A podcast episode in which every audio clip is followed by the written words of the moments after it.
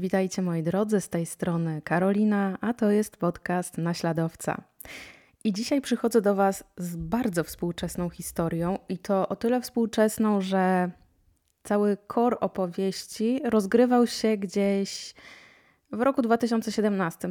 I w dzisiejszej opowieści nikt nie przenosi się na drugą stronę, że tak się wyrażę eufemistycznie, no chyba, że rozum i godność człowieka i to w wielu przypadkach i nie przedłużając, zapraszam Was na dzisiejszą historię.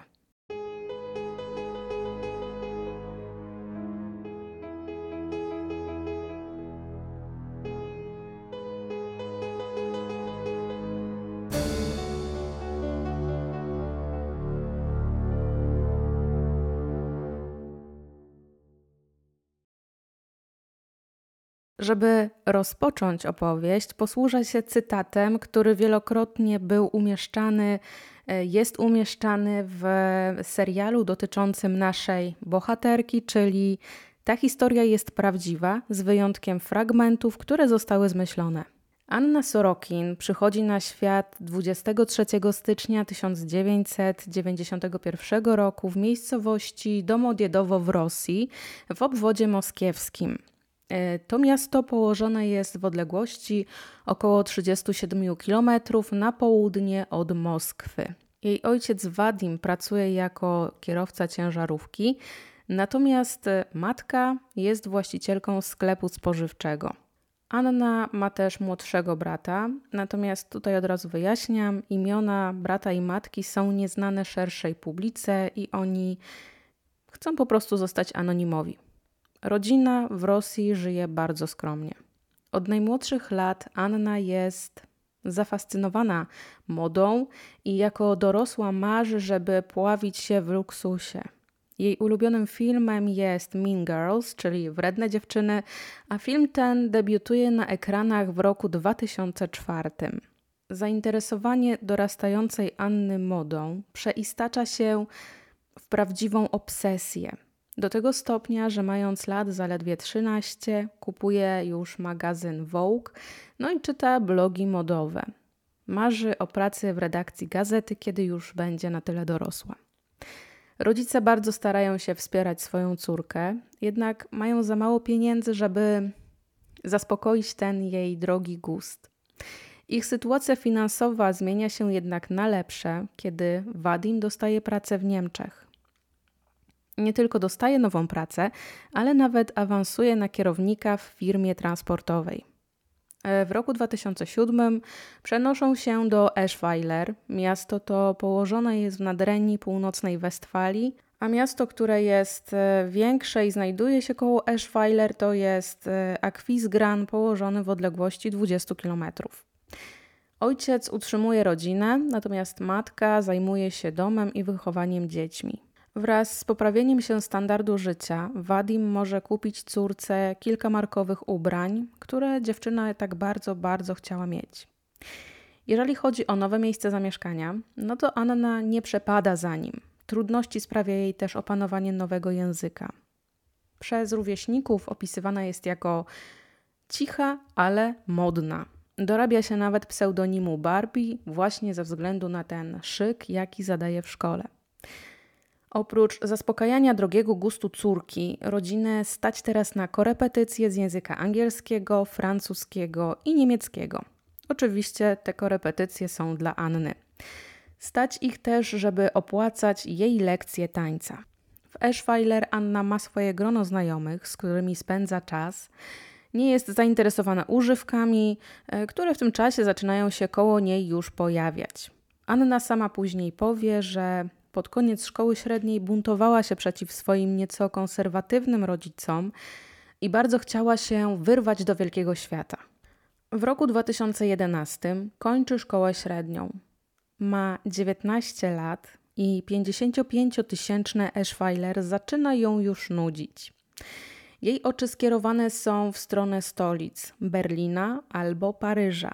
Marzy, żeby żyć jak Paris Hilton, jednak rodzice nie są w stanie zapewnić jej taki styl życia, jaki ona sobie oczekuje. Wyjeżdża do Londynu i tam podejmuje naukę na St. Martin's College of Art. Po kilku tygodniach, dosłownie tygodniach, rzuca szkołę. W roku 2012 przenosi się do Berlina. Tutaj pracuje w firmie PR-owej. Rok później zmienia miejsce zamieszkania i znajduje się już w Paryżu. Tutaj pracuje jako stażystka w paryskiej redakcji magazynu Purple. To właśnie w tym czasie zaczyna się przedstawiać jako Anna Delvey. Twierdzi, że jest to panieńskie nazwisko jej matki. Rodzina nie potwierdzi tych rewelacji. Później Anna przyzna, że zmyśliła to nazwisko. W tym samym roku firma, w której pracuje Wadim, bankrutuje. E, mężczyzna otwiera własną działalność, w której jest sterem, żeglarzem i okrętem. I jest to firma e, z branży logistyczno-chłodniczej. Mimo, jak mogłoby się wydawać, drastycznej zmiany, rodzice nadal finansowo wspierają córkę i opłacają jej czynsz oraz wydatki związane z samochodem. Jako stażystka w redakcji magazynu o modzie zarabia jedynie 400 dolarów miesięcznie co nie jest wystarczającą kwotą jak na styl życia, jaki chce prowadzić. Podczas pracy w magazynie bierze udział w wielu imprezach modowych i przyjaźni się z ludźmi z branży. Jej Instagram wypełnia się zdjęciami z europejskich miast i wydarzeń artystycznych, co przyciąga kolejnych i kolejnych followersów.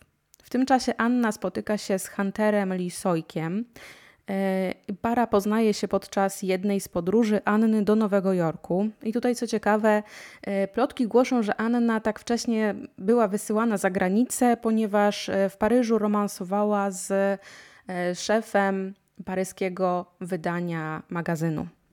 Atmosfera Nowego Jorku i atmosfera tygodnia mody tak bardzo jej się podoba, że decyduje się przenieść do nowojorskiego oddziału magazynu Purple. Jeśli chodzi o Huntera, to on jest starszy od Anny o 10 lat. Występuje na konferencjach naukowych TED Talks. Para spotyka się przez około 2 lata. Zanim zerwą w roku 2016, Hunter przekazuje jej część swojej wiedzy dotyczącej biznesu. Po zerwaniu mężczyzna przenosi się do Dubaju, a Anna decyduje się związać swoje życie z Nowym Jorkiem. Miasto to od pierwszej wizyty zajmuje już szczególne miejsce w sercu tej młodej kobiety. Żeby żyć na poziomie, na jakim chciała żyć, Anna potrzebuje pieniędzy i potrzebuje tych pieniędzy naprawdę dużo. Chce się kreować na osobę, e, która pochodzi z bogatej i to bogatej od wielu pokoleń rodziny. Problem z tą kreacją jest taki, że Anna potrzebuje naprawdę dużo pieniędzy, żeby zaspokoić ten styl życia, i drugiej ilości, dużej ilości pieniędzy, żeby kupić sobie na ten styl życia, żeby się wpasować do tego drogie ubrania. Y, chce ona spełniać założenia stylu tak zwanego old money i pozować na osobę, która majątek dziedziczy, a nie zarabia go, żeby dopiero budować, czyli jest bogata od wielu, wielu, wielu pokoleń. Tak więc pod nazwiskiem Anna Delvey na gruncie Nowego Jorku zaczyna tworzyć swoją historię od nowa chowa do szafy pochodzącą z robotniczego regionu Rosjankę, a wydobywa naprawdę niezłą kreację niemieckiej dziedziczki, e, no i staje się wilkiem w owczej skórze.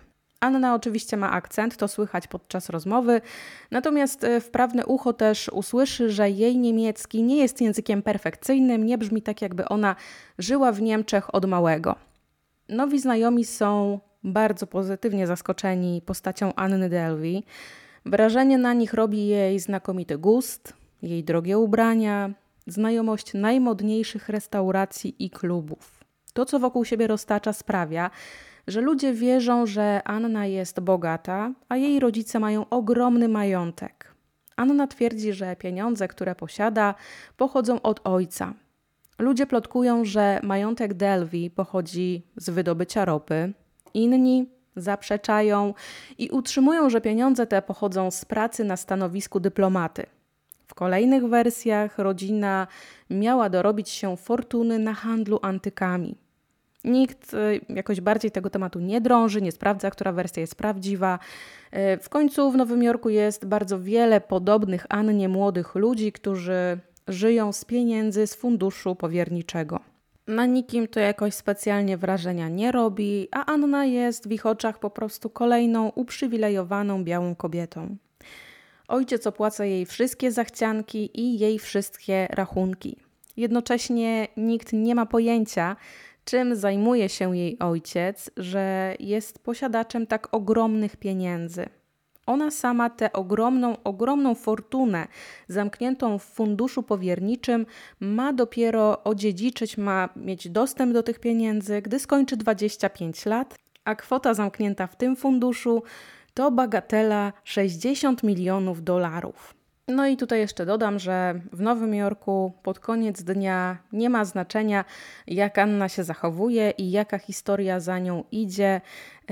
I tutaj też parafrazując takie powiedzenie, że uczynki mówią więcej niż słowa, w przypadku Anny to pieniądze mają większą moc sprawczą niż to, kim jest. Jak na posiadaczkę tak ogromnych pieniędzy, czasem zachowuje się bardzo nieadekwatnie do tego stanu posiadania. Prosi znajomych, żeby mogła spać na ich sofach, prosi o zamówienie Ubera, prosi o zapłacenie rachunku w kolejnym drogim miejscu. Jeśli nawet ktoś coś podejrzewa, y, to Anna ma na taką chwilę wymówki w stylu, że przelew nie dotarł, ojciec odciął ją od pieniędzy, ponieważ się pokłócili, y, bank ma jakieś problemy. Zawsze jednak obiecuje, że te swoje długi spłaci. Nikt nie ma wątpliwości, że jak Anna mówi, że zapłaci swoje zobowiązania, no to tak właśnie będzie. Zresztą ona otacza się przecież bogatymi ludźmi, dla których kilka setek albo kilka tysięcy dolarów to jest no, taka niewielka kwota. I tutaj w tej opowieści pojawiają się dygresje do um, świata popkultury, mogłabym w sumie powiedzieć, i nie będzie tutaj inaczej, ponieważ e, przez cztery miesiące Anna mieszka z niejakim Billy McFarlandem, Billy wtedy pracuje nad stworzeniem swojej firmy Magnesis. Firma ta e, ma mieć w swojej ofercie e, taką specjalną kartę kredytową, czarną kartę kredytową, która będzie umożliwiała dostęp do naprawdę ekskluzywnych klubów i restauracji. Te takie kluby i restauracje to mają być top of the top nowojorskich miejsc. No i oczywiście dostęp do tych miejsc mają mieć wyjątkowo bogaci ludzie. Ostatecznie Magnizes zniknie z rynku w roku 2017 po aresztowaniu McFarlanda. Pomiędzy Magnizes a aresztowaniem y, miał miejsce Fire Festival. Fire przez Y. Być może ktoś z Was kojarzy ten temat, ponieważ w założeniu to miał być naprawdę luksusowy festiwal zorganizowany właśnie przez Bilego i rapera Jarula, który to festiwal miał promować właśnie apkę do wynajmowania artystów.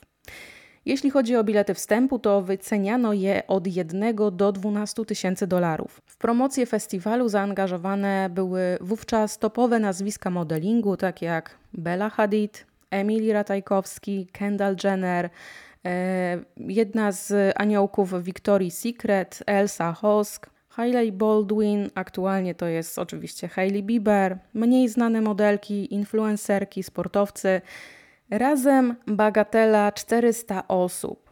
Skracając tę długą i według mnie interesującą historię, festiwal okazał się największym festiwalowym skamem. McFarland został aresztowany, a na Netflixie jest ciekawy dokument, który tę imprezę przedstawia.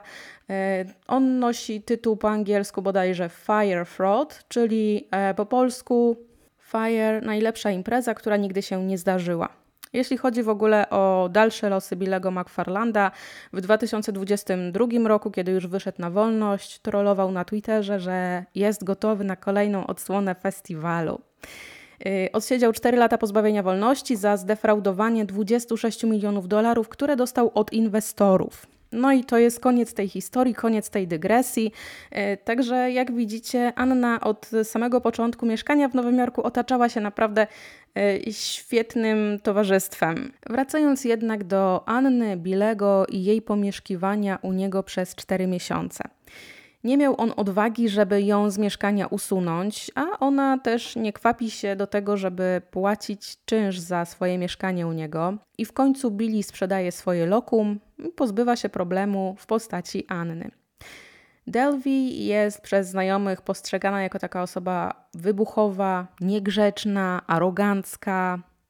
Jednak e, Ludzie ją lubią, lubią jej aparycje.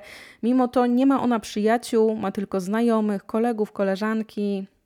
Sympatyczna nie jest, ale ma to coś i e, w jej przypadku to są pieniądze. Jedną z bliższych koleżanek póki co Anny jest Rachel Williams, fotoedytorka, która pracuje w magazynie Vanity Fair.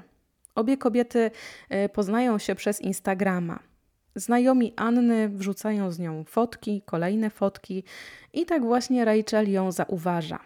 Obie spotkały się pierwszy raz na żywo w jednym z klubów w Nowym Jorku. Kilka kolejnych spotkań to są jakieś takie lunche jedzone ze wspólnymi znajomymi, aż w końcu Rachel i Anna spotykają się tylko we dwie. Spotykają się coraz częściej, nie tylko na luncha, ale też podczas treningów z trenerem personalnym, jakichś drinków. Mają bardzo podobne zainteresowania, podobny gust, całkiem sporo je łączy. Zatem naturalnym jest, żeby zacieśnić znajomość i zostać przyjaciółkami. Rachel jest pierwszą przyjaciółką w życiu Anny w Nowym Jorku. Anna pokazuje się Rachel jako młoda kobieta z potężnym zapleczem finansowym, nie ma problemów z opłacaniem wysokich rachunków. Dzieli się z nową przyjaciółką swoim pomysłem na założenie fundacji Anny Delvey, coś jak Soho House w Birmingham. Zgodnie z informacjami zaczerpniętymi z internetu, żeby zostać tutaj członkiem domu Soho, należy przejść bardzo długi proces aplikowania, kilka rozmów kwalifikacyjnych, a lista osób jest naprawdę bardzo długa i obejmuje 27 tysięcy osób. Tak więc w założeniu Anny jej dom, klub, fundacja ma być prywatny, a dostęp do niego ma być tylko dla członków. Natomiast, żeby zostać członkiem fundacji, ludzie musieliby płacić wysoką roczną składkę. Pomysł Anny w jej głowie ma rozmach. I jak o tym mówi, to też postronni widzą, że naprawdę dziewczyna ma rozmach. Sercem domu ma być wszystko, co związane ze sztuką, z artystami, mają być tutaj pracownie, przestrzeń do wystawiania instalacji artystycznych. Anna planuje zrobić też miejsce, gdzie można będzie wypić drinka, gdzie będzie można coś przekąsić. No i na swoje miejsce wybiera e, zabytkowy budynek Church Missions House, który jest usytuowany przy 281 Park Avenue South. Aktualnie kupno tego miejsca kosztuje bagatela 135 milionów dolarów, natomiast w czasie, kiedy toczy się nasza historia, to było 29 milionów dolarów. Żeby sfinansować powstanie klubu, fundacji, Anna potrzebuje udziału inwestorów. Kilka osób chce wynająć przestrzenie budynku, tak więc konkurencja też jest naprawdę duża. 21 listopada 2016 roku Anna stara się o pożyczkę w wysokości 22 milionów dolarów z City National Bank na sfinansowanie otwarcia swojego klubu czy też fundacji. Zarzeka się, że na zabezpieczenie pożyczki ma bagatela 60 milionów dolarów w funduszu powierniczym.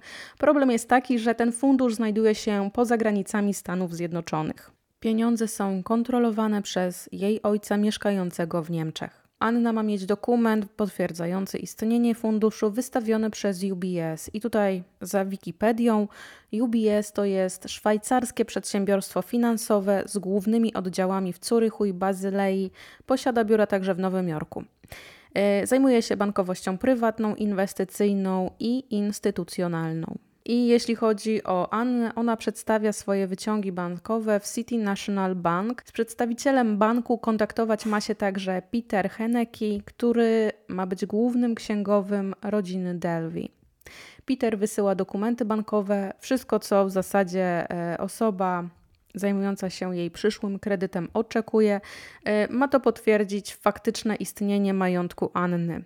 Pomimo tego wszystkiego bank no, nie przychyla się jeszcze do udzielenia kredytu Annie i tutaj odrzuca jej wnioski. Ona jednak się nie poddaje. E, prawnik Andy Lace, który dla niej pracuje, doradza udanie się do innego banku. Delvi robi to, co radzi jej prawnik, z którym według jej słów jest w ciągłym kontakcie, a on odbiera od niej telefony w nocy o północy. Idzie zatem do Fortress Investment Group i tam wnioskuje o pożyczkę w wysokości od 25 do 40 milionów dolarów. Delvi podczas rozmowy z kolejnym przedstawicielem y, opowiada to samo co wcześniej, czyli pieniądze ma, ma 60 milionów dolarów, które e, będą zabezpieczeniem pożyczki. Przedstawia też te same dokumenty. W drugiej placówce odnosi sukces. Zgoda instytucji finansowej jednak to jest nie wszystko. Kolejnym krokiem uwiarygodnienia Anny jest wpłacenie przez nią 100 tysięcy depozytu, żeby potwierdzić, że nie będzie miała problemów ze spłatą pożyczki. Wszak rozmawiamy przecież o naprawdę grubych pieniądzach. Depozyt ma problem z dotarciem na konto Fortress. Delvi zapewnia, że przelew pojawi się lada dzień. E, tutaj też ostatecznie Fortress odrzuca jej wniosek o pożyczkę. No i w zasadzie powinna się tutaj w tym miejscu zakończyć sprawa z tą instytucją finansową, tylko że tak nie będzie. Bankierowi obsługującemu jej wniosek najwyraźniej Anna musiała zawrócić w głowie, ponieważ począwszy od lutego 2017 roku, żonaty Denis Onabaho wyśle 26-latce prawie 160 SMS-ów, począwszy od pozwól mi przyjść na górę, żeby odpowiednio się pożegnać, po walczę ze sobą, żeby cię nie pocałować, ponieważ jesteś tak szalenie piękna. Yy, wszystkie te oferty Anna, oferty bardzo hojne oczywiście od pana bankiera, Anna odrzuca. I skoro już tutaj przewija się ten temat urody Anny, to umówmy się, że dla jednej osoby będzie ona piękna, dla innej zupełnie przeciętna. Dla mnie to taka ostatnia to ona nie była i koniec dygresji związanej z urodą. Na podstawie uprzednio przedstawionych wyciągów osoba obsługująca jej wniosek co prawda nie udziela jej pożyczki, ale Delvi może skorzystać z linii kredytowej. I tutaj linia kredytowa też za Wikipedią jest to rodzaj kredytu odnawialnego przyznanego przez bank na dowolny cel i bank nie wnika na co te pieniądze zostaną przeznaczone. Delvi zobowiązuje się do spłaty zadłużenia w ciągu kilku dni.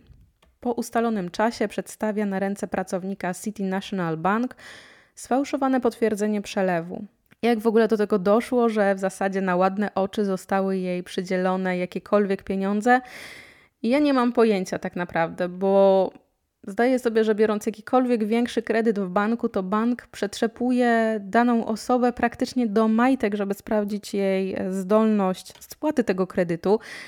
Natomiast tutaj prawdopodobnie znajomości, znajomości ze śmietanką Nowego Jorku, znajomości z odpowiednimi ludźmi, e, po prostu jakoś tych e, bankierów popchnęła do przydzielania kredytu, linii kredytowej. Ewentualnie, tak jak mówię, znając e, tych bogatych ludzi Nowego Jorku, ktoś z tych ludzi musiał ostro za sznurki pociągać, żeby do tej pożyczki w ogóle doszło. Z otrzymanych pieniędzy kwotę 55 tysięcy przeznacza na spłatę swojego zadłużenia za pobyt w hotelu Standard High Line. To właśnie w tym miejscu Anna mieszkała, przeprowadza się potem do Eleven Howard w Soho na Manhattanie i pokój rezerwuje na miesiąc. Hotel ma taką politykę, że każdy klient musi mieć kartę kredytową, żeby należność mogła być z niej w ogóle ściągnięta. Jednak ponieważ Delvi była klientką AB Rosena, hotel godzi się, by Delvi nie przekazywała danych swojej karty.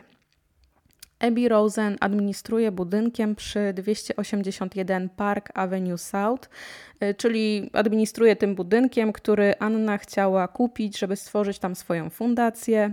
Jest też właścicielem hotelu Eleven Howard. Rosen zgadza się, żeby za pobyt córki w ekskluzywnym hotelu zapłacił jej ojciec. Pieniądze, które zostały Annie z zaciągniętej pożyczki, ona wydaje na drogie, fantazyjne kolacje, imprezy, no i oczywiście markowe ubrania. Wróćmy zatem do Eleven Howard. Początkowo pracownicy bardzo, ale to bardzo nie przepadają za Anną. Odbierają ją jako niemiłą i bardzo pretensjonalną personę. Jednak znowu to pieniądze zmieniają podejście ludzi do niej. Odkąd Delvi daje napiwki w wysokości 100 dolarów, każdy dosłownie bije się o to, żeby wyświadczać jej różne przysługi. W taki sposób Anna poznaje Nefatari Nev Davis. Ta druga pracuje jako concierge w hotelu. No i za internetem, czym zajmuje się taki concierge? E, w zasadzie wszystkim. Odpowiada za załatwienie różnych spraw gości i spełnianie ich życzeń, począwszy od e, tego, jak gdzieś dotrzeć, polecenie jakiejś restauracji, czy załatwienie jakiegoś posiłku do pokoju. No, generalnie taka osoba y, organizuje pobyt, znaczy organizuje, y, odpowiada za zaspokojenie różnych oczekiwań klientów, nie tylko oczekiwań, jeśli chodzi o pobyt w hotelu. Delvi natomiast prosi o polecenie restauracji i tak właśnie zaczyna się ich znajomość. Anna coraz częściej przychodzi do stanowiska pracy NEF i wygląda na to, że bardziej od rekomendacji potrzebuje towarzystwa. Natomiast hotel miał taką politykę, że pracownicy nie mogli się za bardzo spoufalać z gośćmi. Natomiast właśnie Nef widzi, że Anna bardzo często przesiaduje w swoim pokoju, że e, robi sobie zdjęcia z ubraniami, z ekskluzywnymi torbami, e, które kupuje. No, generalnie nie ma zbyt dużo znajomych po prostu. Znajomość Nef i Anny przekształci się w przyjaźń. Delvi będzie zapraszać ją na kolację z celebrytami i bogatymi znajomymi będzie obsypywać ją bardzo drogimi prezentami.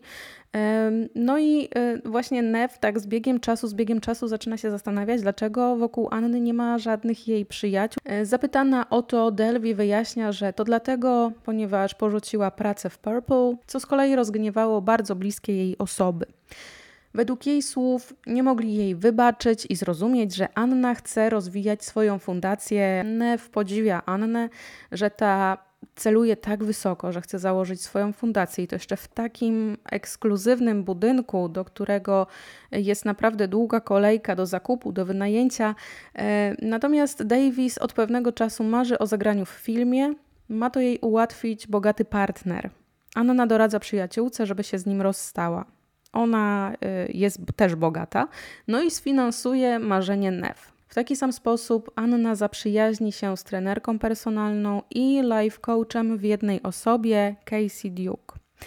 Yy, o tej trenerce Anna dowiedziała się po obejrzeniu 50 twarzy Greya. Delvi jest zafascynowana świetnym ciałem Dakoty Jones i to, jak ona prezentowała się w filmie, i marzy o tym, żeby podobnie pracować nad swoim ciałem. Casey odpowiadała za fizyczność Dakoty. E, no i jakoś Annę nie przerażał fakt, że sesja treningowa z Duke kosztuje 4,5 tysiąca dolarów. Anna wykupuje jak najwięcej spotkań. Znajomość tych dwóch kobiet także się zacieśnia, no i ostatecznie przenosi z gruntu biznesowego na grunt prywatny. Tak więc Anna w końcu ma tę swoją grupę przyjaciółek, którymi się otacza, a grupę e, tworzą Nev, Casey, no i wspomniana przeze mnie wcześniej Rachel Williams. Wystawne życie Delvi przynosi dosyć oczywiste konsekwencje. W marcu kończą jej się pieniądze. W marcu 2017 roku przekracza linię kredytową konta o 9 tysięcy dolarów. W kwietniu Nev zauważa, że finanse Delvi nie są zbyt stabilne i zauważa jakieś tam problemy jej. Po kolacji, na którą Anna ją zaprosiła, kiedy dochodzi do płacenia, e, karta 26-latki zostaje odrzucona, tak samo jak pozostałe 12 kart, których dane Delvi wręcza obsłudze.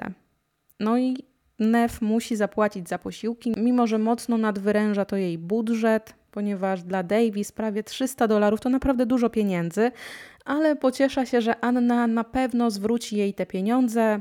Teraz po prostu przychodzi jej kolej na płacenie. Natomiast jeśli chodzi o zwrot, Anna faktycznie oddaje NEF pieniądze i jest to trzykrotna kwota tego rachunku, jaki NEF zapłaciła. Anna zwraca pieniądze w gotówce. Po półtora miesiąca od zameldowania się w Eleven Howard, Delvi jest już winna hotelowi 30 tysięcy dolarów plus opłaty za posiłki, którymi obciąża swój pokój. 11 kwietnia Anna wypisuje czeki o wartości łącznie 160 tysięcy dolarów i zanim czeki zostaną odrzucone i niezrealizowane z powodu braku środków, bardzo szybko wypłaca z nich 70 tysięcy dolarów i reguluje zaległe opłaty. Do takich działań Anna ma otwarte kilka kont w różnych bankach. No i tutaj, jeśli chodzi o kwestię czeków, to yy, kiedy ktoś przychodzi do banku z czekiem, no to bank zakłada, że czek jest prawdziwy, w sensie takim, że pieniądze, które są wypisane na nim, yy, faktycznie właściciel konta czy osoba, która przychodzi z tym czekiem, ma na koncie. Zanim czek zostanie zrealizowany przez bank, z którego środki są pobierane, to pieniądze są wypłacane klientowi z góry przez ten bank, do którego idzie się właśnie z takim czekiem. Tak więc mogło minąć kilka dni, zanim bank, który wypłacił pieniądze, zorientował się, że coś tu nie gra. Jeśli natomiast Anna używała czeków międzynarodowych, to cały ten proces mógł być jeszcze dłuższy niż kilka dni. Tymczasem kierownictwo hotelu oczekuje od Anny, że zgodnie z procedurami podepnie do swojego rachunku kartę kredytową. Ona nie chce tego zrobić. Kolejne zaległe płatności piętrzą się.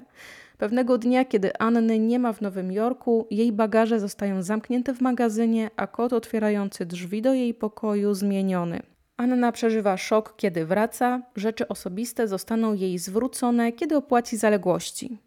Natomiast Anny nie ma w Nowym Jorku, ponieważ poleciała e, na konferencję Warrena Buffetta do Omachy e, i żeby było śmieszniej, e, ukradła helikopter czy też jakiś samolot osobowy, ponieważ starym dobrym zwyczajem nie podała po prostu danych karty kredytowej, mówiła, że przelew jest w drodze. Także e, z racji takiej, że znała się z właścicielem firmy wynajmującej samoloty, no to mogła sobie takim sposobem właśnie polecieć do dalekiego miejsca. Dlatego mówi się właśnie, że ukradła też samolot. Latem 2017 roku Anna zaprasza swoje przyjaciółki Rachel, Casey i Nev, żeby wyjechały z nią do Maroka. Wyjazd ma być opłacony w całości przez nią, no i generalnie dziewczyny kierują się do Marrakeszu. Anna zaplanowała pobyt ośmiodniowy, e, który kobiety mają spędzić na masażach, na zakupach, kąpieli w basenie, szeroko pojętym relaksie. Nef niestety nie może wziąć tak długiego urlopu w pracy, więc do La Mamuni wybywają trzy przyjaciółki. La Mamunia to jest hotel, bardzo ekskluzywny hotel. E, na to miejsce Delvi trafia dzięki fotce na Instagramie, którą to fotkę umieściła Khloe Kardashian. Początkowo wypoczynek przebiega zgodnie z planem i młode kobiety korzystają z uroków wycieczki. Casey i Rachel widzą, że Anna nie ma chęci na zwiedzanie miasta, nie ma chęci ruszać się z terenu hotelu, no i trochę je to dziwi i zastanawia. Po dwóch dniach pobytu Casey zatruła się egzotycznym jedzeniem, a zatrucie jest na tyle poważne, e, że musi wrócić do Stanów Zjednoczonych. Ona uważa, że to wszechświat nad nią czuwa i prawdopodobnie patrząc na to, co się później wydarzy, e, jest w tym jakieś ziarno racji. Okazuje się, że żadna z kart kredytowych Delvi nie działa. Nie można z niej ściągnąć pieniędzy. Sprawa staje się na tyle poważna, że do akcji wkraczają lokalni smutni panowie hotelowi i siłą chcą wyegzekwować należną płatność. Grożą jej aresztowaniem, jeśli nie ureguluje swoich rachunków. Anna tłumaczy się znaną wymówką, problemem z bankiem, zamrożonymi środkami. Za wyjazd ostatecznie godzi się zapłacić Rachel. Robi to dosyć niechętnie, bo po pierwsze to nie ona organizowała wyjazd, a po drugie karta kredytowa, którą ma przy sobie, przeznaczona jest tylko do wydatków związanych z pracą. Część środków na karcie Williams zostaje zablokowane. E, kiedy Delvey ureguluje rachunek, jej karta nie będzie obciążona niespodziewanym wydatkiem. Jeśli to się nie stanie, no to wtedy karta Rachel z jej karty zostanie ściągnięta pełna opłata za wyjazd, 62 tysiące dolarów. Na ten wyjazd został też zabrany z dziewczynami kamerzysta, który miał uwiecznić pobyt e, młodych kobiet w hotelu, miał robić zdjęcia, filmy, no generalnie dokumentować wszystko. Incydent z pieniędzmi tak mocno irytuje Rachel, że nie jest już w stanie korzystać z uroku nowego miejsca i przed końcem wakacji wraca do Nowego Jorku, a z nią razem wyjeżdża ów kamerzysta. Zdarzenie nie tylko irytuje, ale i załamuje Rachel. 62 tysiące dolarów to jest kwota, na jakiej zarobienie musi poświęcić rok. Anna zostaje sama w Marrakeszu. Nie ma pieniędzy na powrót do Stanów. Kontaktuje się z Casey, żeby poprosić ją o zarezerwowanie miejsc w samolocie. Ma jeszcze na tyle tupetu, żeby oczekiwać od przyjaciółki, że zarezerwuje jej miejsce w pierwszej klasie. Pieniądze zwróci Casey, kiedy ojciec przeleje Annie pieniądze na konto. Po powrocie do Stanów Anna przenosi się z Eleven Howard do pięciogwiazdkowego hotelu Bigman, który jest położony na dolnym Manhattanie. W tym hotelu spędzi 20 dni, zanim zostanie wystawiona za drzwi z długiem za pobyt w wysokości 11,5 tysiąca dolarów. Jeszcze przed eksmisją obiecuje, że ureguluje rachunek, jednak do tego nie dochodzi kolejnym hotelu spędza dwa dni, zanim zostaje wymeldowana e, znowu za zaległość w opłaceniu rachunków. Staje się w nowojorskich hotelach personą non grata. Nie mając gdzie pójść, błaga Casey, żeby ta przenocowała ją na sofie. Początkowo trenerka nie chce przyjąć Delvi do siebie, ale kiedy słyszy, że Anna sugeruje, że sobie coś zrobi, to ulega błaganiom i szantażowi. Godzi się przyjąć Delvi pod swój dach, ale tylko na jedną noc. Na kolejną noc Anna też chce przyjść na sofę Casey, jednak ta przekazuje Annie przez portiera, że jej nie ma. Budynek, w którym mieszkała Casey, miał swojego y, portiera, y, miał też lobby. No i Anna przez około 6 godzin siedzi na terenie lobby, y, próbując no niejako przeczekać Casey, poczekać aż ona wyjdzie, jednak to się nie dzieje. Zachowanie Delvi wydaje się Casey bardzo dziwaczne, tak więc kontaktuje się z Rachel i wtedy właśnie dowiaduje się o nieudanej podróży do Marrakeszu. Kobiety podczas rozmowy zaczynają łączyć fakty. Anna zawsze ma wymówki na brak możliwości uregulowania rachunku. Jest to zły ojciec, zdenerwowany ojciec, ojciec trzymający łapę na finansach, przelew, który nie przechodzi, problemy z bankiem. Anna nie tylko nie kwapi się z oddaniem pieniędzy Rachel, ale także Markowi Kramerowi. Mężczyzna pracował dla niej jako dyrektor kreatywny podczas tworzenia fundacji. Swoją pracę wycenił na 16 tysięcy funtów. Niestety od roku nie dostał swoich pieniędzy. Anna odsyła go klasycznie do swojego opiekuna finansów, Petera Heneki, księgowego rodziny. Maile Kramera pozostają natomiast bez odpowiedzi ze strony Petera. Anna w końcu informuje Marka, żeby ten już więcej nie kontaktował się z Peterem, ponieważ Peter niestety umarł miesiąc wcześniej. W lipcu 2017 roku Anna zostaje oskarżona o niezapłacenie za świadczone jej usługi przez zarząd dwóch hoteli. Oskarżona upiera się, że to nieporozumienie, a wynajęty przez nią adwokat Todd Spodek reprezentuje ją w sądzie. Y, Anna nie zjawia się na tej rozprawie. 31 lipca New York Post publikuje niepochlebny artykuł o niej. W artykule Delvi zostaje opisana jako złapana na gorącym uczynku za niepłacenie wysokich rachunków hotelowych. Po przeczytaniu tego artykułu Casey i Rachel organizują Annie tak zwaną interwencję.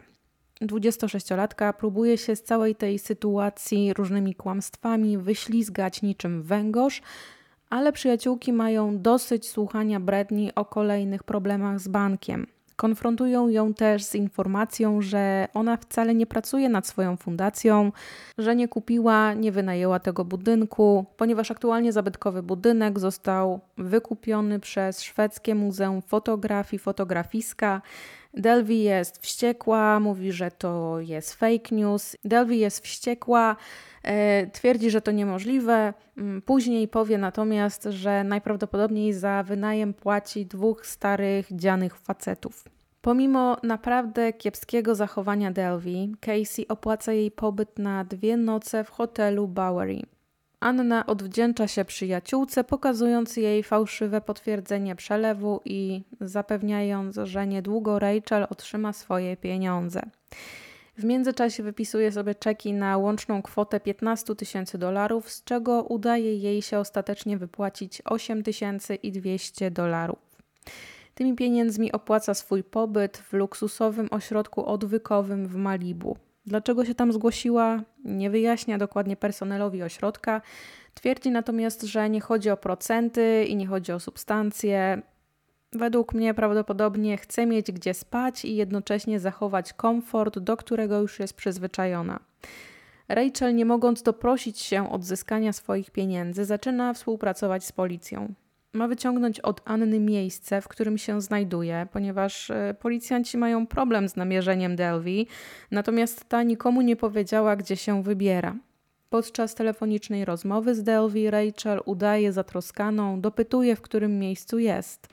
Chce się spotkać z przyjaciółką na lunch i Anna w końcu wskazuje miejsce, w którym będzie. Kiedy tylko pojawia się, otaczają ją policjanci i aresztują. Rachel, chcąc zachować pozory, że to nie ona ją wystawiła, wysyła do koleżanki SMS-y, dopytuje gdzie jest i kiedy będzie. Jest dzień 3 października 2017 roku. W sądzie słyszy dwa zarzuty dotyczące kradzieży poważnych pierwszego stopnia, co ma miejsce, kiedy odebrane aktywa em, przekraczają swoją kwotą milion dolarów. E, słyszy dwa zarzuty kradzieży poważnej drugiego stopnia, co ma miejsce, kiedy skradzione mienie przekracza kwotę 50 tysięcy dolarów. Słyszy też trzy zarzuty kradzieży poważnych trzeciego stopnia, co ma miejsce, kiedy wartość skradzionych e, aktywów przekracza 3000 dolarów. No i ostatni zarzut dotyczy kradzieży usługi. Jeśli dziwnie to brzmi kradzież poważna pierwszego stopnia, kradzież poważna i tak dalej, no to tutaj e, sama nie wiedziałam jak to przetłumaczyć i użyłam sformułowania, jakie pojawia się e, w serialu dotyczącym Anny Delvey. E, kradzież usługi natomiast, o której wspomniałam wcześniej, jest to termin prawny określający przestępstwo, które zostaje popełnione, gdy dana osoba uzyskuje wartościowe usługi w przeciwieństwie do towarów w drodze oszustwa, siły, groźby albo innych e, bezprawnych środków. Sędzia nie wyznacza kaucji, żeby Delvi nie mogła oczekiwać na proces na wolności, Widzi tutaj zbyt duże prawdopodobieństwo, że Anna wykorzysta tę okazję i po prostu ucieknie. Oskarżona zostaje osadzona w więzieniu na Rikers Island. Kilkanaście razy wdaje się w bójki, wykazuje nieposłuszeństwo wobec władz więzienia, za co jest karana. Ostatecznie za swoje zachowanie zostaje przeniesiona do części o zaostrzonym rygorze. W tym czasie dziennikarka Jessica Pressler zaczyna odwiedzać Annę w więzieniu. Wcześniej o uszy obiła jej się historia pewnej 26-latki i chciała napisać o niej artykuł. Jessica ma już na swoim koncie artykuł pod tytułem The Hustlers at Scores, na podstawie którego w 2019 roku zostanie nakręcony film Hustlers, znany po polsku jako Ślicznotki, w którym to filmie wystąpiła m.in. Jennifer Lopez czy Cardi B. Pressler tak mocno angażuje się w historię, że odwiedza nawet rodzinę Anny w Niemczech. Wadim jest szczerze zaskoczony, że córka ma na koncie takie przewinienia. Rodzina nie miała z nią kontaktu i absolutnie nie mieli świadomości, co ona nawywijała za wielką wodą. Jeśli chodzi o Jessikę, ona jest wtedy w ciąży, a Anna do najłatwiejszych, jeśli chodzi o kwestie współpracy, nie należy. Jednak po miesiącu współpracy, wreszcie 28 maja 2018 roku w New York Magazine ukazuje się artykuł o Delvi. Historia o Annie rozchodzi się wiralem. Wtedy Netflix kupuje prawa do stworzenia miniserialu na podstawie historii Anny. Chwilę przed pojawieniem się artykułu Jessiki, Rachel napisała swoją wersję historii, a Vanity Fair zapłaciło jej kwotę 1200 dolarów. Kolejną umowę podpisuje z HBO opływającą na 35 tysięcy dolarów oraz umowę dotyczącą wydania książki i tutaj za spisanie swojej przyjaźni z Anną otrzymuje 300 tysięcy dolarów. My Friend Anna ujrzy światło dzienne pod koniec lipca 2019 roku. Do tego firma American Express zapłaciła jej kwotę 62 tysiące dolarów za wakacje w Maroku, za które miała e, zapłacić Delvi. Amex pokryło koszty bardzo ekskluzywnych wakacji, które to wakacje miała opłacić Delvi, a zrobiła to Rachel ze swojej karty firmowej. Prawnicy Anny dążą do ugody, dzięki której ich klientka będzie odsiadywać wyrok od 3 do 9 lat, jeśli przyzna się do wszystkiego przed procesem. Sędzia, nie widząc ani grama skruchy po stronie oskarżonej, odrzuca taką możliwość, odrzuca możliwość podpisania ugody. W związku z tym będzie Annie grozić wyrok maksymalnie do 15 lat pozbawienia wolności. Proces rozpoczyna się 27 marca 2019 roku i państwo Sorokin nie zjawiają się na ani jednym posiedzeniu. Anna na sali sądowej zadaje szyku, a jej stroje nie umykają uwadze reporterów. Na Instagramie powstaje też e, specjalne konto Anna Delvey Court Looks. E, konto to dokumentuje to, co Delvi ma na sobie danego dnia, to, co Anna nosi, jest dla niej niesamowicie ważne, do tego stopnia, że zatrudnia stylistę, który dba o jej wygląd. Kreacje są oczywiście z górnej półki. Pewnego razu opóźnia rozpoczęcie procesu, ponieważ płacze przez półtorej godziny, ponieważ stylista nie miał dla niej kaszmirowego sweterka, który ona akurat tego dnia chciała mieć na sobie. W jej historii wyszukiwania na laptopie pojawiają się takie frazy jak tworzenie wyciągów bankowych, generowanie fałszywych raportów kredytowych.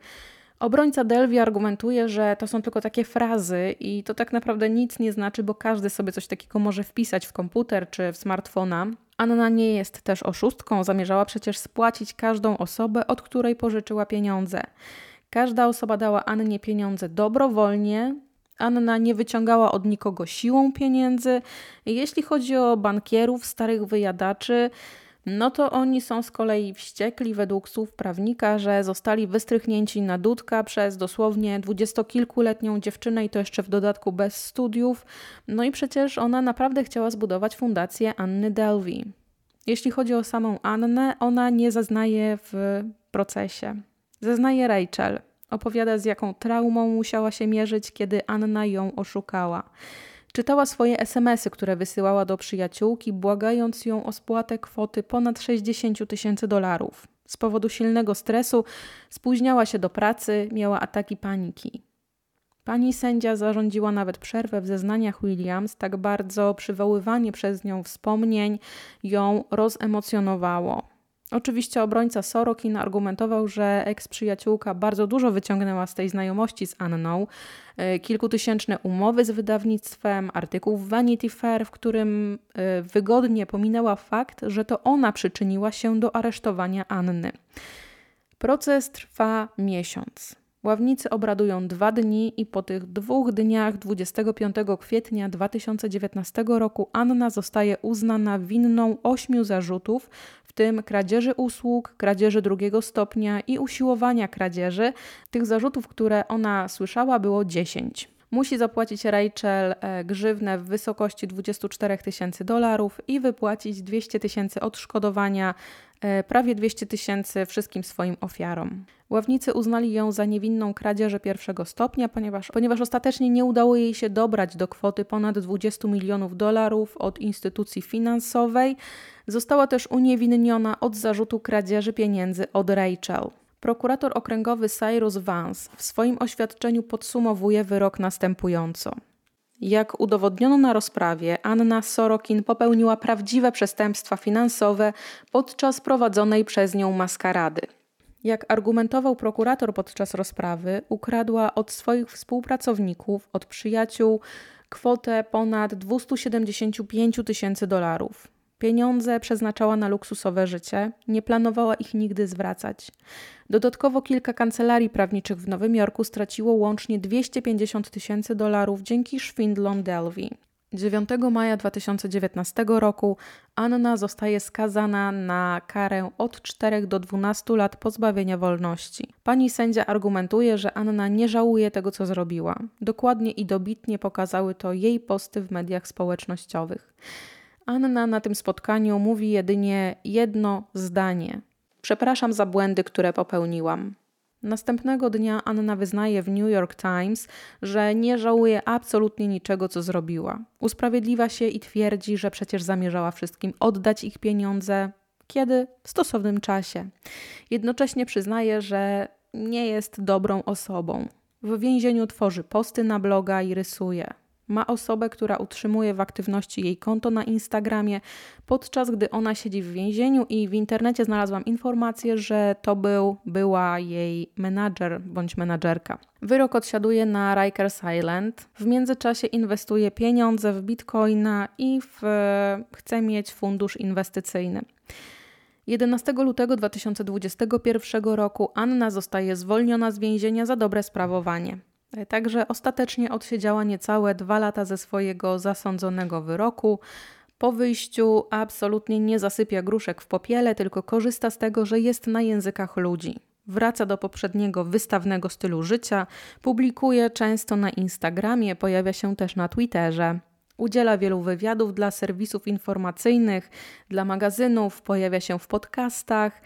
Anna sprzedaje prawa do swojej historii Netflixowi za kwotę 320 tysięcy dolarów. Nie otrzymuje jednak tych pieniędzy w związku z prawem, które mówi o tym, że przestępcy nie mogą czerpać korzyści majątkowych ze swoich historii, chyba że wcześniej spłaci swoje ofiary. Tak więc prawie wszystkie zarobione przez nią pieniądze trafiają do każdego, kogo wcześniej nie spłaciła. Od zarobionej kwoty musiała odliczyć jeszcze 75 tysięcy dolarów, także ostatecznie, kiedy odliczyła wszystkie zasądzone przez sąd y, opłaty, opłatę dla adwokata, to zostało jej 20 e, tysięcy dolarów. 11 lutego 2022 roku na platformie Netflix ma premiera serialu Kim jest Anna. Y, do serialu jako konsultantki zatrudniono Casey i Annę. Gdzieś tam czytałam, że też Nef brała udział w konsultacjach. Natomiast jeśli chodzi o sam serial, to bardzo wiele występujących postaci, to są postacie fikcyjne. Tak samo niektóre wydarzenia zostały dodane, żeby troszeczkę pieprzyku dodać historii Anny. Zarzuca platformie, że daje miejsce do wypowiadania się o szóstce i przedstawiania swojej historii. Anna też zaprzecza, jakoby próbowała sobie odebrać życie, co zostało pokazane w ósmym odcinku serialu. Jeśli ktoś nie oglądał, no to przepraszam, tutaj się właśnie wdarł spoiler. Anna nie cieszy się swoją wolnością długo. Około 6 tygodni po zwolnieniu zostaje wsadzona ponownie za kraty więzienia hrabstwa Orange w Nowym Jorku. Jej wiza straciła ważność i grozi jej deportacja do Niemiec. Prawnicy pracują, żeby do tego nie dopuścić. Anna podczas odsiadki nie próżnuje, pracuje nad podcastem i dwoma książkami dotyczącymi jej życia. Posty Anny na Instagramie mają być powodem do niewypuszczenia jej na wolność. Anna absolutnie nie okazywała skruchy y, po tym, co uczyniła. Ona z kolei się broni, że Instagram to przecież nie jest tak na serio i to tylko taka satyra. Podczas tej odsiadki wirtualnie występuje w podcaście Call Her Daddy, z którego też możemy wyciągnąć kilka smaczków. E, jeśli chodzi o rodzinę i status swojej rodziny, to w tym podcaście Anna przyznaje, że no mogła trochę podkoloryzować rzeczywistość, ale już tej, tych przykładów konfabulacji podać nie umiała. Konflikt między nią a Rachel nazwała niefortunną sytuacją, którą zamierzała naprawić. Jeśli zaś chodzi o deportowanie do Niemiec, to rozpatrywałaby to jako po prostu okoliczność do rozpoczęcia życia w całkiem innym miejscu od nic wielkiego. No i najważniejsze, przecież nikomu nie mówiła, że jest spadkobierczynią wielkiej fortuny swoich rodziców. Rozmawia także z Julią Fox, prowadzącą podcast Forbidden Fruit, w tym podcaście opowiada, jak bardzo była głodna sławy jako dwudziestokilkulatka. Podczas wywiadu dla australijskiego programu 60 Minutes wyznaje, że nie ma cierpliwości do głupich ludzi, a proces i pobyt w więzieniu to w zasadzie nie były takie złe. Media donoszą, że Wadim Sorokin wyparł się córki, natomiast Anna zaprzecza i oświadcza, że bardzo często rozmawia z ojcem, codziennie prosi go o pieniądze, mimo że ani razu nie powiedziała, że go kocha. Gdyby Anna została deportowana do Niemiec, to pomimo wszystkiego Wadim przyjąłby córkę z otwartymi rękami. Anna jednak woli siedzieć w Stanach Zjednoczonych, woli siedzieć w więzieniu niż żyć na wolności w Niemczech. Ostatecznie deportacja zostaje zasądzona, jednak Anna odmawia opuszczenia aresztu. Aktualnie przebywa w areszcie domowym i do czasu rozpatrzenia jej wniosku o stałą wizę przez sąd imigracyjny ma ograniczoną wolność. Dziś 31-letnia Anna nie ubiera się już tak szykownie, a jej małe mieszkanie dalekie jest od luksusowych pokoi hotelowych, w których kiedyś żyła. Na kostce nosi bransoletę monitorującą jej przemieszczanie się. W jednopokojowym mieszkaniu na East Village znajduje się łóżko, dwa krzesła i stół. Zgadza się na wywiady, ale nie za darmo. Jej walutą jest dietetyczny napój gazowany, woda, worki na śmieci, ręczniki papierowe ręczniki papierowe i lunch. Próbuje sprzedawać też swoje rysunki. Cena najdroższego to 10 tysięcy dolarów. Ma zakaz korzystania z mediów społecznościowych. Z aplikacji randkowych też nie może korzystać. Planuje prowadzić swój podcast, podcast o sztuce i dołożyć swoją cegiełkę do reformy systemu penitencjarnego. Jej prace były wystawione na zbiorowym wernisażu współczesnych artystów. Twórczość Anny wzbudza zainteresowanie potencjalnych kupców. Dwójka kuratorów z Nowego Jorku zorganizowała wystawę zbiorową zatytułowaną Free Anna Delvey, czyli Uwolnić Annę Delvey. Jeden z nich, Alfred Martinez, ma na swoim koncie też kryminalną przeszłość, ponieważ trafił za kratki w 2002 roku za podrabianie rysunków innego bardzo sławnego malarza. O Annie Sorokin natomiast dowiedział się z Netflixa. No i jak widać, ciągnie swój do swego. Jeśli zaś chodzi o filmy i seriale o Annie, no to mamy y, serial Kim jest Anna na Netflixie. Jej historii jest poświęcony też jeden z odcinków serii Generation Hustle, pokolenie naciągaczy. Seria dostępna jest na HBO. No i mamy też jeszcze Influencer of Soho. Jeśli chodzi o głównego księgowego Petera Henneke, księgowego rodzinnego, nie ma kogoś takiego. Anna używała aplikacji do zmieniania głosu, żeby udawać osobę, która nigdy nie istniała i taka aplikacja kosztowała ją bagatela 5 dolarów. Todd Spodek pojawi się jeszcze na sprawach sądowych powiązanych z ludźmi z towarzystwa, wysoko postawionymi i bogatymi. Przewija się w procesie Ghislaine Maxwell. Będzie też e, reprezentować prześladowczynię Aleka Baldwina. Ostatecznie fundacja Anny Delvey nie powstanie. E, to już zapewne domyśliliście się z tej opowieści, chociaż Anna cały czas utrzymuje, że te fundacje ona chce założyć. E, jeśli chodzi o Rachel, to finalnie Anna spłaciła jedynie 5 tysięcy dolarów z 62 tysięcy, które musiała wyłożyć Rachel na ich e, ekskluzywny wyjazd do Marrakeszu. Jeśli chodzi o Nev, to Nev ma przyjaźnić się z Anną do dzisiaj, chociaż w, w serialu pojawia się informacja o tym, że mm, przyjaźń między dwoma kobietami zakończyła się, kiedy y, Anna mm, zaczęła identyfikować się jako osoba czarnoskóra. Jeśli zaś chodzi o Huntera Soika, to y, przez długi czas, po, w momencie kiedy dzieje się historia Anny, ten kor jej historii, czyli rok 2017, Anna przez bardzo długi czas nie mówiła, kim jest ten jej tajemniczy chłopak, ponieważ Hunter w momencie, kiedy mm, działa się historia, kiedy miał miejsce proces, no to on był szerzej nieznany. Anna, kiedy wyszła na wolność i na swoim Instagramie wrzuciła post, że ujawni, kim był jej chłopak, pod warunkiem, że e, osoba, która chce wykupić taką informację, zapłaci minimum 10 tysięcy dolarów. E, była nawet właśnie licytacja, którą Anna rozpoczęła od tej kwoty.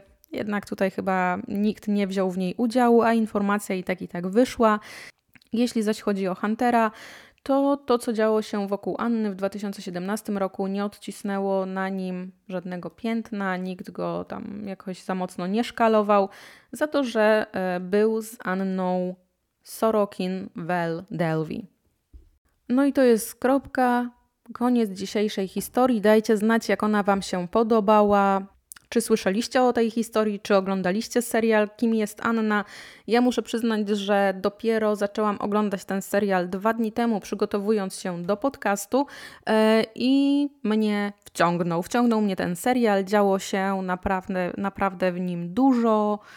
E, chociaż oczywiście momentami były jakieś tam przestoje, no ale ostatecznie myślę, że 8 na 10. To, co chciałabym jeszcze dodać, to dosyć dziwny fakt, że postać Anny, e, kiedy jej historia wypłynęła do szerszego świata, e, była gloryfikowana bardzo jako, jako wow, przedsiębiorcza kobieta, super sprawa. Natomiast no umówmy się, laska była mądra, no ale nie tak mądra, żeby dobrać się do tych grubych milionów bankowych, więc geniuszem zbrodni to ona nie była, chociaż no całkiem sprawnie radziła sobie z wyłudzaniem pieniędzy.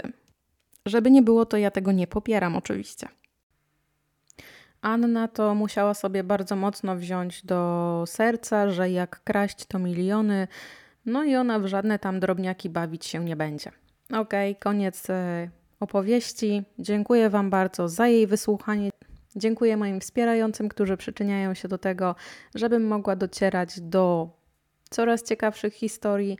No i dziękuję też każdemu, kto lajkuje, subskrybuje, komentuje materiał. Dzięki Wam mogę się rozwijać. Trzymajcie się ciepło, do usłyszenia w przyszłym tygodniu. Pozdrawiam, pa pa.